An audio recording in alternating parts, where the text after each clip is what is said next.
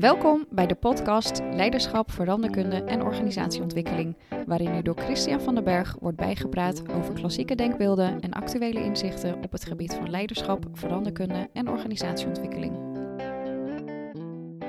In ehm, trajecten waar ik bezig ben met leiderschap of organisatieveranderingen of in coachgesprekken gebruik ik heel vaak de tekst taal doet ertoe. En beelden doen ertoe. Het, gaat er, eh, het is wel van belang hoe je dingen verbeeldt of hoe je dingen uitdrukt. Ik vind het zelf ook heel leuk om met collega's op het moment dat iets heel complex is, om te kijken, kun je terugbrengen tot een one-liner of kun je terugbrengen tot één of enkele plaatjes. Omdat dat mij en anderen vaak helpt om dingen um, begrijpelijk te maken en terug te brengen tot de essentie. Iets wat ik heel leuk vind. Um, en um, als je het hebt over beelden, uh, kwam ik op een gegeven moment in aanraking uh, met Sigrid Burg van Instituut voor Maatschappelijke Verbeelding. Uh, welkom Sigrid, leuk dat jij hier wil zijn. Ja, hartstikke leuk. Um, en mensen die vaak naar de podcast luisteren, weten dat ik heel vaak in mijn introductie even iets vertel over wat nou de reden is dat ik juist deze gast voor de microfoon heb. En wij zaten in het voorgesprekje net. En toen zei hij, ja, maar op het moment dat jij dat beeld schetst, hebben mensen gelijk een beeld. En toen waren we eigenlijk, in mijn optiek, direct aanbeland bij waarom ik het zo leuk vind om met jou eens te hebben over beelden van leiderschap en beelden van organisaties. En dat begint eigenlijk hier al mee. Want ja, wat zou je al wel over jou kunnen zeggen? Wat een mooie introductie. En meteen de diepte in. Wat fijn. Oh, oh gelukkig. Oh. Ja, um, ja dat, dat is inderdaad... Welk beeld schets je van jezelf? Wat, wat voor beeld wil je dat mensen van je hebben? Uh, dat, dat is een stukje profilering. Ja. Uh, tegelijkertijd heb je weinig invloed op de interpretatie. Mm -hmm. Niet heel veel. Ik bedoel, dat heeft allemaal weer te maken met de verbeelding van anderen. Als ik ja. zeg, ik ben coach dat is een veelgebruikte term nu. Veel ja. mensen worden coach of zijn het of zijn van plan te worden. Ja. En daar hebben mensen verschillende beelden bij. Ja. Dus het, het behoeft ook weer tekst en uitleg. Mm -hmm. um, uh, als ik zeg ik ben een oceaanzeiler, wat ik ook ben, mm -hmm. uh, dan hebben mensen daar weer een totaal ander beeld bij. Ja. Uh, en dan niet lekker met een wijntje achter op het dek, maar naar Antarctica zeilen. Nou, ik zie nice. jou al anders kijken. Jazeker. Hè, ik word ik al zie jou, je wordt al enthousiast. Ik zie gewoon jouw ogen twinkelen. En Ja, ik heb ja, dus geen zeker. idee wat dat beeld bij jou oproept. Nee. Heb je zoiets van, Ben wauw. je jaloers? Oh, kijk, kijk, dat. Ja, ik hou ook van zeilen, maar ik, mijn, mijn grootste zee is de Middellandse Zee. Hè, dus, dus, en daar kan ik prima zeilen. Uh, maar ik heb de oceaan, daar ben ik nog nooit op geweest. Dus ik word gelijk uh, getriggerd. Ja. Ik vind het wel heel leuk. Ja, nou ja, en het, het, het, er is meteen ook een andere ingang omdat je een gedeelde verbeelding hebt. Hè? Dat, dat doet iets met je. Ik spreek ook wel eens mensen die helemaal niets met de zee hebben. En dan alleen maar denken, oh mijn god, en koud en verschrikkelijk. Mm -hmm. Ja, dan, dan heb je gewoon ook meteen een ander gesprek. Ook wel interessant, omdat je dus vanuit uh, meer de, de tegengestelde uh, positie begint. Zeker. Maar goed, en nog een stukje verder. Als ik nou zeg, ik woon in Amsterdam, maar ik ben Zeeuwse. Mm -hmm. Dat he hele woordje maar doet al iets, hè? uh, mensen, oh ja, nee, je bent wel Amsterdamse als je 21 jaar in Amsterdam woont. Maar ja. ik ervaar dat niet zo. Sterker nog, ik heb heel veel gereisd. En mm -hmm. soms vergeet ik wel eens dat ik Nederlander ben. Mm -hmm. Hè, dat, dus dat is weer een ander beeld. Dat, ja. dat, maar goed, zo kunnen we eindeloos doorgaan. En wat, wat mij boeit daarin is dat uh, door elkaar te bevragen op dat beeld, ja. wat je hebt, door ook jouw mimiek te bevragen op het moment dat ik zie dat jij dus een andere, ja. hè, je kijkt anders, Ja. je, je, uh, dan heb je ook uh, meteen iets wat je deelt, dat is nieuwsgierigheid. Mm -hmm. En als we het dan over verbeelding hebben, Ja. dan is nieuwsgierigheid daarin een heel belangrijk element. Hè, we kunnen ons iets verbeelden, dat doet iets met ons, met een bepaald vermogen. En dat vraagt onder andere om nieuwsgierigheid. Maar weet je wat je, jij zette mij, toen je begon met jouw zin, zette je me al bij, over iets heel moois aan het uh, uh, nadenken. Ik vind dat ook wel leuk om met jou te delen en ook met de luisteraars te delen. Ik ben, toen ik uh, studeerde, heb ik een tijd in uh, zo'n groot zalencentrum voor feesten en partijen met een goed restaurant. En ik werkte daar in de keuken. Um, en wij hadden heel vaak, ik weet niet, heb jij in de horeca gewerkt? Ja. Uh, nou, dat, herken je dat? Het leukste aan in de horeca werken is buiten al die clichés over hoe leuk het is met, met mensen en de leuke avond geven. Maar de mooiste momenten vond ik als de hele hut opgeruimd was. En we zaten dan met het groepje wat inderdaad de sluiting deed. Uh, gewoon nog even met, met, met de twee eigenaren na te borrelen. Hè. Dan was er altijd nog wel iets over van het buffet. En er werden nog wat biertjes getapt en zo. En toen uh, kregen wij het ook over. Hè. Dat was, uh, ik ben in West-Brabant opgegroeid. Even, hè. Dus, mm -hmm hebben we die ook gelijk gehad. En, um, uh, dus ik zat dan uh, daar met, met, met die kerels en dan ging het over het imago van dat bedrijf in de regio. En dat had gewoon een, een, een, goe, een goede uitstraling. Hè? Het was ook allemaal niet goedkoop als je daar wilde feesten, maar je kreeg daar ook wel wat voor. Um, maar toen zei ik alles tegen hem en toen was ik echt heel erg onbewust onbekwaam. Omdat ik dan tegen een van de eigenaren ook altijd zei, ja, je ima en dan zei hij, dit is belangrijk voor ons imago. Ik zei, ja, maar het imago wat jij hebt, dat bepaal jij helemaal niet zelf. Nou, dat vond hij uh, raar. Ik bedoel, ra rare tekst. Oh, ja? ik zei, het is jouw poging over hoe je wil overkomen, maar hoe je overkomt, dat is helemaal aan die ander. Nou, daar konden wij, zeker als het, dan aan het, als het zes uur s ochtends was, natuurlijk uh, waren we ook niet altijd op ons best. Maar daar konden we heel goed over doordiscussiëren. Maar, um, dus toen ik zo jong was, had ik dit ook al wel in mijn hoofd. Het werkt, zo werkt het niet. Hè? De manier waarop je wil overkomen, daar kun je pogingen toe doen. Ja. Maar het is aan de ander om dat uh, te percipiëren. Nou, voor, voor een heel groot deel inderdaad. Uh, ja. en, en, en wat er nu gebeurt op Instagram, uh, wat dan ook. We hebben veel ja. meer mogelijkheden om onszelf op een bepaalde manier naar buiten te brengen. Ja. Om een beeld hoog te houden. Ja. Wat heel anders is dan wie we werkelijk zijn. En um, dat is een heel ander onderwerp dan wat we vandaag gaan bespreken. Maar het is wel boeiend omdat beelden zo veel aanwezig zijn. En we hebben ook zoveel mogelijkheden om onszelf in beeld te brengen, mm -hmm. dat um, we daar toch best wel veel invloed op hebben, op dat imago. Door onszelf op een bepaalde manier in beeld te brengen. Ja. En um, uh, dat hetzelfde geldt voor organisaties. Alleen kijken er ook heel veel mensen mee. -hmm. Jouw imago wordt ook bepaald door wat andere mensen weer over jou zeggen. Ja. Wat andere mensen uh, met je doen, met jouw beeld doen. Um, uh, dat, dat, dat, ik bedoel, kijk naar. Um, ik, ik, haal even het uh, voorbeeld van Hugo de Jong aan. Mm -hmm. uh, dat is een, een, man die in de. Dat is een leider. Dat is iemand die behoorlijk uh, in beeld is. Mm -hmm. En op een gegeven moment ook op Linda staat. Op de cover van Linda. Ja. Daar wordt heel veel over gezegd. Dus je kunt je afvragen. Wat wil zo iemand nou met zijn imago? En ja. iedereen heeft daar wat over te zeggen. En dat, dat is dus. Het gesprek gaat veel vaker uh, over het imago dan over de identiteit. Wie iemand of wat een organisatie echt is. Er wordt ook heel veel tijd en geld geïnvesteerd. Hoe een organisatie, ik werk heel veel met organisaties, Mhm. overkomt. Hè? De klanten, et cetera. Alleen de kloof tussen wie, wie je bent als organisatie en wie je wil zijn of hoe je gezien wil worden, wordt groter. Mm -hmm. um, en dat, als dat kenbaar wordt, als dat duidelijk wordt, dan heb je best wel een probleem. Die, die, snap, ik wel, die snap ik wel Sigrid. En, en ondertussen, misschien zijn zeg maar, wij als veranderaars hè, of organisatieadviseurs of, of coaches, hè, of, nou, welke, welk onderdeel je ook ja, niet. Nee, maar dat is volgens mij wat jij doet en dat is ook wat ik doe. Ja, Hè. In die ja. zin is het ook soms. Uh, nou, ik vind het mooi dat je dat zegt. Even als bijzin, dan kom ik zo wel terug bij het punt wat ik wilde maken. Maakt het ook. Um, uh, soms is het vraagstuk wat je op te lossen hebt. Uh, kun je eigenlijk vanuit al die verschillende kanten aanvliegen. Alleen hangt het er een beetje van af waarvan ik denk dat het het meest helpt voor zeg maar de klant of eh, degene die ik wil helpen of degene waar ik iets mee moet.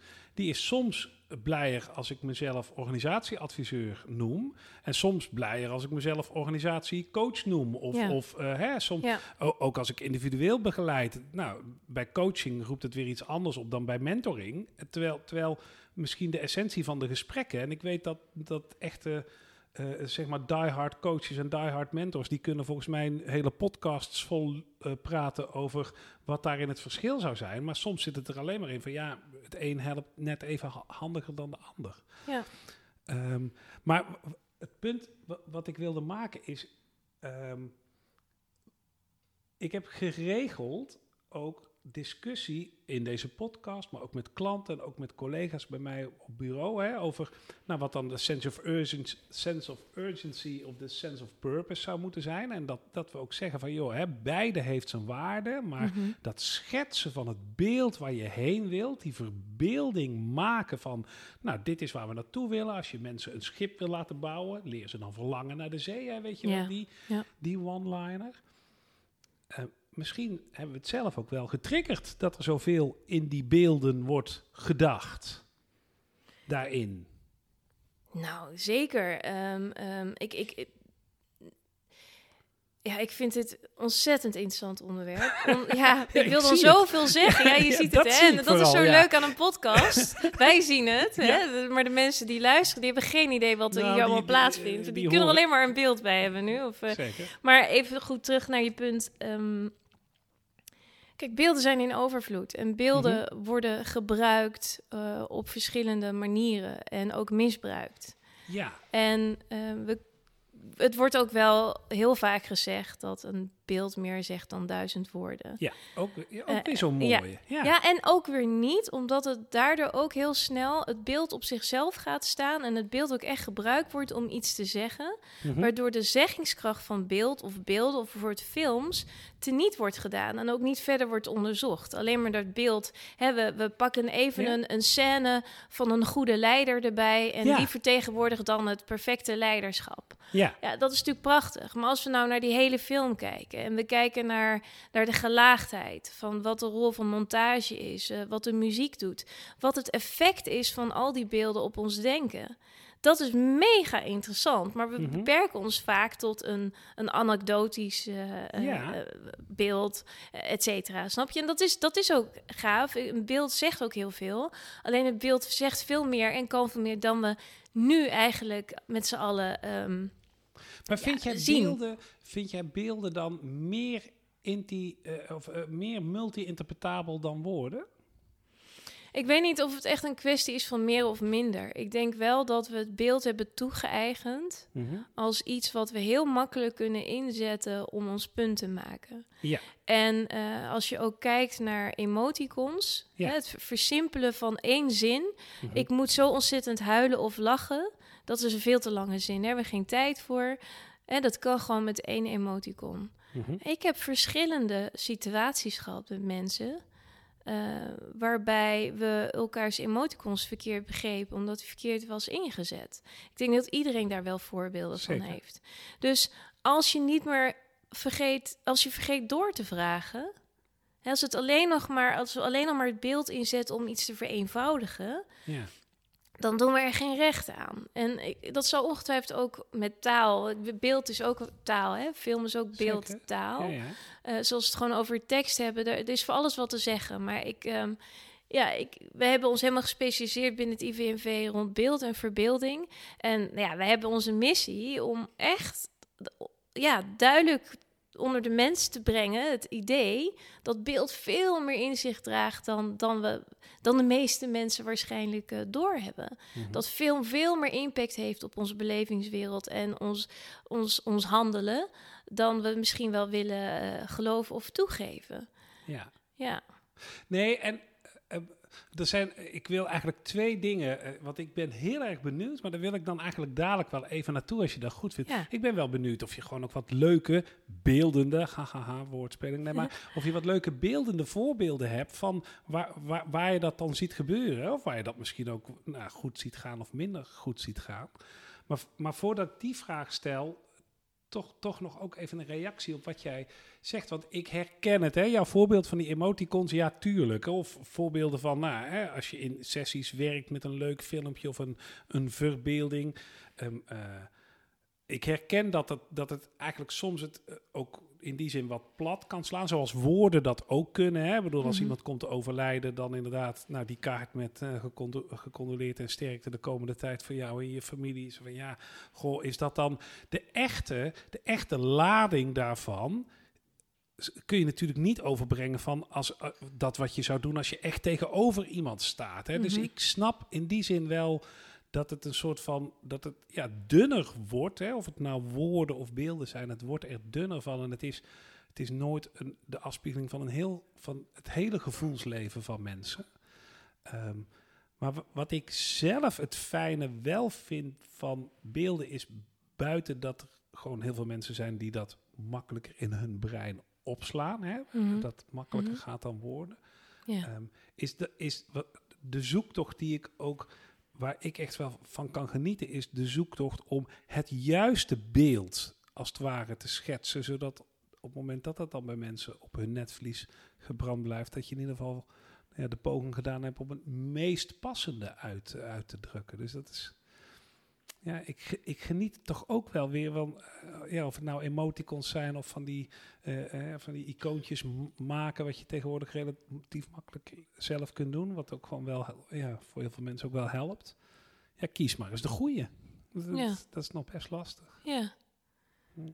Ik geloof ook niet dat het eh, of-of is. Hè? Wat, Nee? wat ik ook probeer te zeggen is dat er een en-en is. Dat we en beelden heel goed kunnen inzetten, wat helpt. Ja, En zeker beelddenkers, gewoon mensen die minder talig zijn in die zin, is het een, een uitkomst. ja, Eh, en beeld heeft een gelaagdheid. Beelden, de verbeelding, eh, de films, onze fictionele ehm, wereld. ja. Die heeft een gelaagdheid die, die niet alleen maar entertainment. Dat heeft niet Nee. alleen maar te maken met entertainment. En ehm, eh, ik, ja, ik, kan, ik heb hier ook gewoon op tafel wat voorbeelden Ja, liggen ja, van, van wat, wij, wat we hebben gedaan als instituut of, of Ja. ehm, eh, waar, we, waar onze interesse naar uitgaat of onze irritatie, hoe je het ook maar noemt.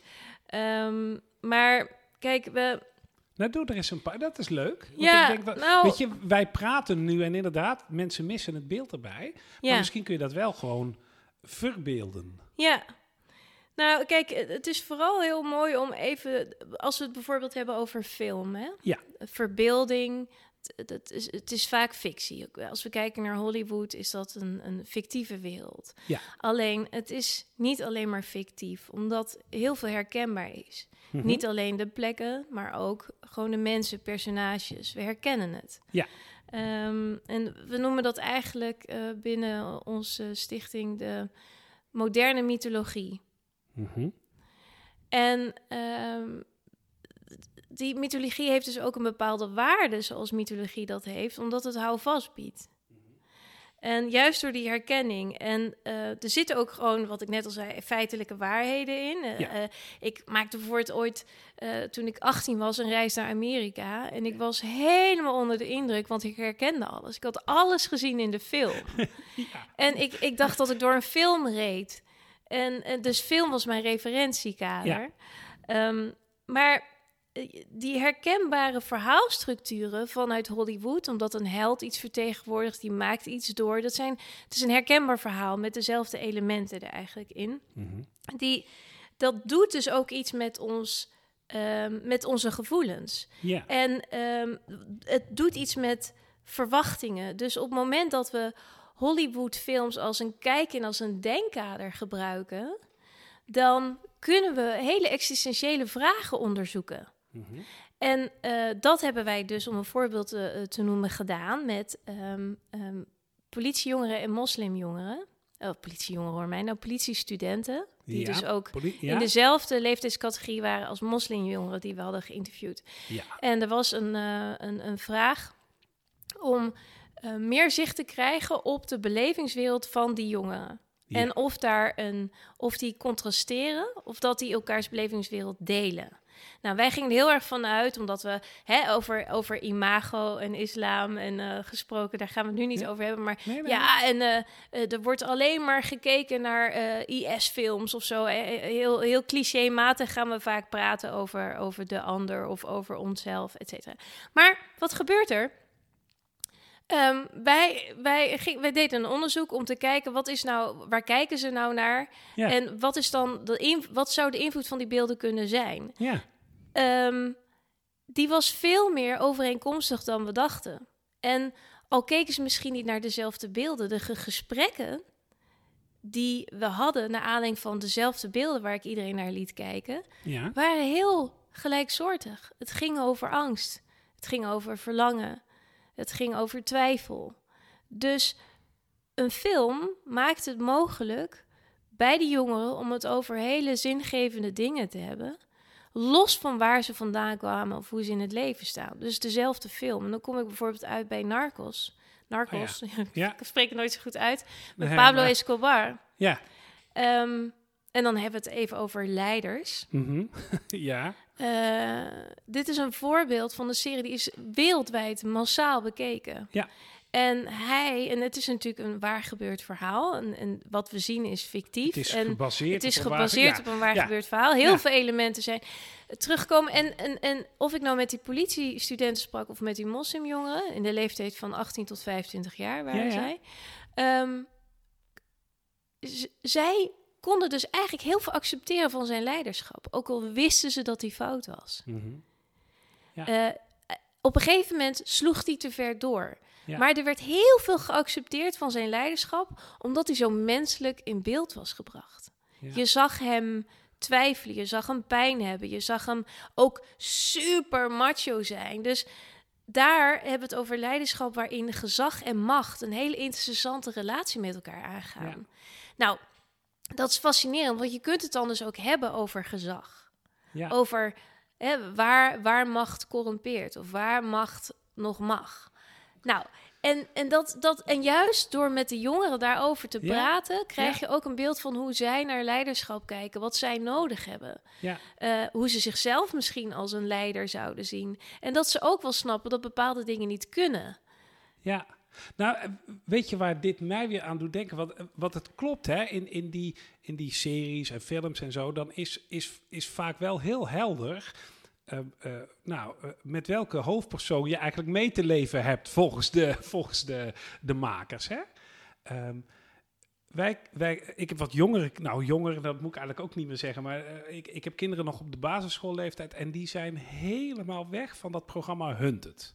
Hè, weet je, dat, dat programma waar ze dan, waar onbekende Nederlanders, ook weer eens een verademing, iets met onbekende Nederlanders, maar die moeten dan, eh, die moeten dan uit de klauwen blijven van, van ja, ik kan, moet zeggen dat ik niet helemaal weet hoe realistisch eh, alle middelen zijn die die mensen mogen inzetten om, om hen te pakken dan, hè, maar... ehm, daar heb ik met hen ook altijd een gesprek, wat zij zijn en blij als mensen gepakt worden, omdat ze heel erg meeleven met die politie, mensen als het ware. Want ja, die moeten toch iemand pakken. Terwijl ze ook altijd enorm balen als iemand gepakt wordt. Want ze leven ook zo mee met die mensen die in beeld zijn. En ik vind dat ook, de, ik vind dat zo'n eh, ja, bijna fascinerende manier van, eh, als het ware, die twee beelden samenbrengen. Dat ik hen dan ook wel eens. Nou, we, we hebben dan daarna gesprekken over van. Goh, hoe komt dat nou dat je ook zo meeleeft met die, met die mensen die voortvluchtig zijn? Want wat, wat ze natuurlijk proberen uit te beelden is hoe, hoe, hoe je, als je een crimineel bent die zich onder de radar van, van de politie zou willen begeven, hoe, wat je dan al dan niet moet doen en wat dan die politie allemaal voor macht heeft. Terwijl in de basis denk ik dan, nou ja, degene die de politie te pakken heeft, nou, hè, ik bedoel, ik ben niet zo'n complotdenker, dat zijn dan vaak wel mensen die toch iets gedaan hebben wat niet de bedoeling is. Toch leven we daar ook mee mee. En dat is natuurlijk met, met, met Pablo Escobar gebeurt dat in die zin hetzelfde, doordat hij ook inderdaad op een manier verbeeld wordt dat je bijna nou ja, toch wat sympathie gaat voelen voor iemand die natuurlijk eigenlijk de meest vreselijke dingen doet. Ja, nou ja, je, je, je- vat eigenlijk heel goed samen hier wat er gebeurt. Namelijk het proces van identificatie. Ja, Daar, daar, de, de- kijk, Hollywood is een empathiemachine. Eh, en eh, die, die is heel goed met dat spel. Van goed en kwaad. Van macht en onmacht. Van, nou, Ja. weet je wel? Dus, dus het, het, het spel daarmee ja, zorgt dat je op scherp staat als het gaat om je eigen normen en waarden. Dus het geeft ook alleen maar aan dat we daarin vaak zoekend zijn. Dus een film Ja, en dus dat identificatieproces waarbij je dus wisselt, geeft ook aan hoe complex het is. ja. Hoe complex het is om, om wat goed en kwaad is. Dat dat dus. ik ben een beetje. ik word helemaal. Ik Emotioneel. he- geëmotioneerd van het Nee, nee, nee, maar ik, Nee, maar eh, dus, dus wat goed en kwaad is, dat is, dat, dat, dat, dat is niet statisch. nee. Hè? Ons, onze, ons idee daarvan verandert ook. Ik bedoel, als wij kijken naar de samenleving nu, Ja? we zitten echt in een verandering van een tijdperk. Eh, dat zijn hele grote woorden. Maar als ik kijk naar de organisaties waar ik mee werk en jij ook, ja. en het leiderschap daarin, zie ik over het algemeen een tendens waarin mensen zoekend zijn. Dat Ja. is niet omdat zij ineens anders zijn, dat is omdat ze moeten acteren in een veranderende tijd. Ja. Waarbij ook niet het perception goed of kwaad misschien verandert, maar wel hun verbeelding van jeetje, ik dacht nooit dat ik dat ik nu dit ineens heel slecht zou vinden. Nee. Of eigenlijk wel goed. Dat komt omdat we mee veranderen met de tijd. Dus door, door op die verbeelding in te gaan en ook terug te kijken in de tijd, hè, bijvoorbeeld door films te kijken uit de jaren tachtig Ja. en een gesprek te hebben daarover, dan, dan snap je ineens dat dat, dat eigenlijk werkelijkheid geworden is. Ja. Wat toen alleen maar tot de verbeelding sprak. Ja.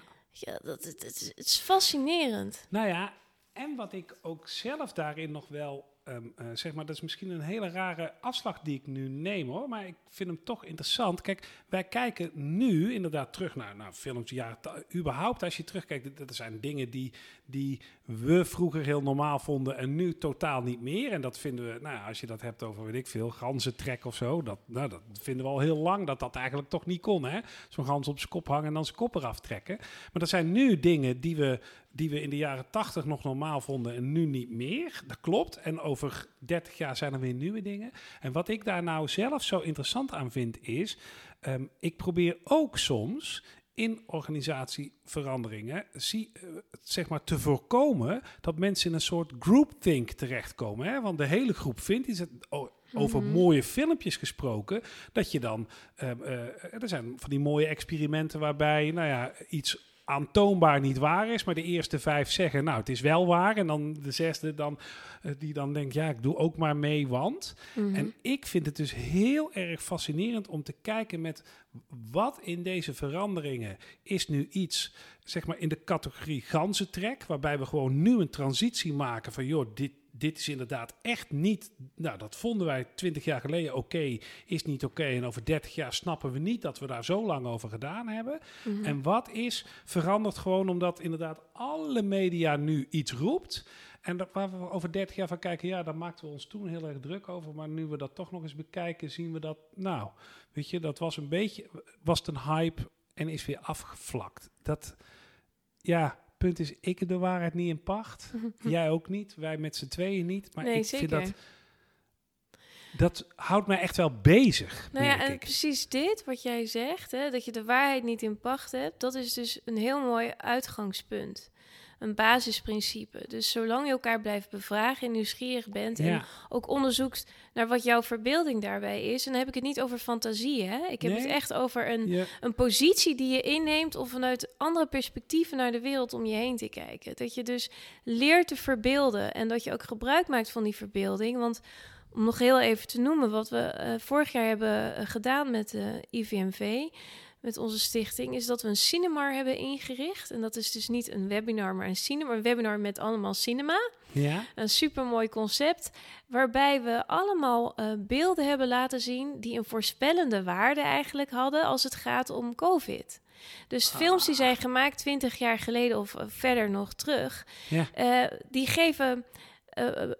La- zijn eigenlijk scenario van wat zich nu afspeelt. Niet één op één. Nee? Maar het, we, we hebben ons wel echt afgevraagd van... wauw jongens, er zaten politie echt met de hand in het haar. Ik bedoel, we hebben de beelden gezien dat de leiders het niet meer wisten. En wij zoiets hadden van ja...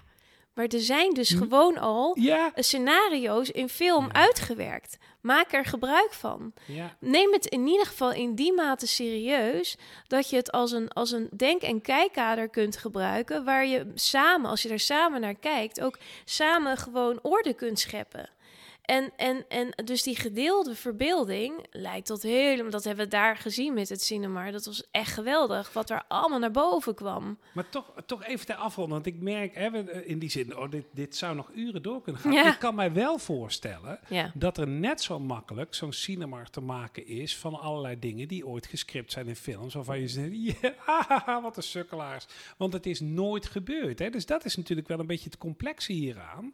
Sommige dingen zijn al een keer verbeeld... en daar had je misschien met de wijsheid van nu van kunnen leren. En andere dingen zijn verbeeld en die, die, die, zijn, er- die zijn er Ja, zeker. gekomen. Maar ik denk ook niet dat je naar iedere film moet gaan kijken van... Nee, hé, hey, dit is een waarheid, kijk, dit zeggen, kunnen gebruiken. Nee, nee, nee. Nee, maar ik, het is dus eh, eh, mooi om te zien dat je dus ehm, dat er dat we dat we soms meer weten dan we denken te weten en dat dat dus uit de verbeelding komt. Wat nogmaals niet Ja. de waarheid is, maar wat in ieder geval wel een register is van mogelijkheden die we open kunnen trekken en die Ja. we best wel serieuzer kunnen nemen. Dus daarmee eigenlijk willen zeggen Ja. dat het beeld aan zich niet zo simpel is als een beeld, Nee. maar dat als zodra we het over de verbeelding hebben en daar alles bij halen, films, Hollywood, eh, maar Ja. ook bijvoorbeeld in het Rijksmuseum nu eh, eh, een prachtige tentoonstelling over portretten. Ja. Ehm, dan, dan denk ik, ja, er is heel veel. En, Ja. en, en het is een koekblik, een snoepblik en maak hem open. Ja, ja, dat is mooi. Nou, weet je, volgens mij moeten heel veel luisteraars dit ook gaan doen. Ja. Ontzettend bedankt, eh, Sigrid, voor dit, dit gesprek. Het is, eh, nou, ik, ik denk dat het heel beeldend is geweest. En dat is niet flauw bedoeld als... Maar ik denk dat heel veel mensen met heel veel eh, beelden op hun netvlies hebben zitten luisteren. Dus ontzettend dank daarvoor. Eh, luisteraars, dank weer voor het luisteren natuurlijk. En nou ja, als je het aansprekend vond, ehm, eh, like of deel deze podcast. En, eh, of laat een review achter op je favoriete podcast app. Dat wordt altijd gewaardeerd. Eh, en als je suggesties hebt over nieuwe onderwerpen, natuurlijk ook altijd graag. Dus ehm dankjewel weer, Sigrid. Jij bedankt. En eh, tot de volgende keer. Heel graag gedaan. Yes. Dankjewel voor het luisteren.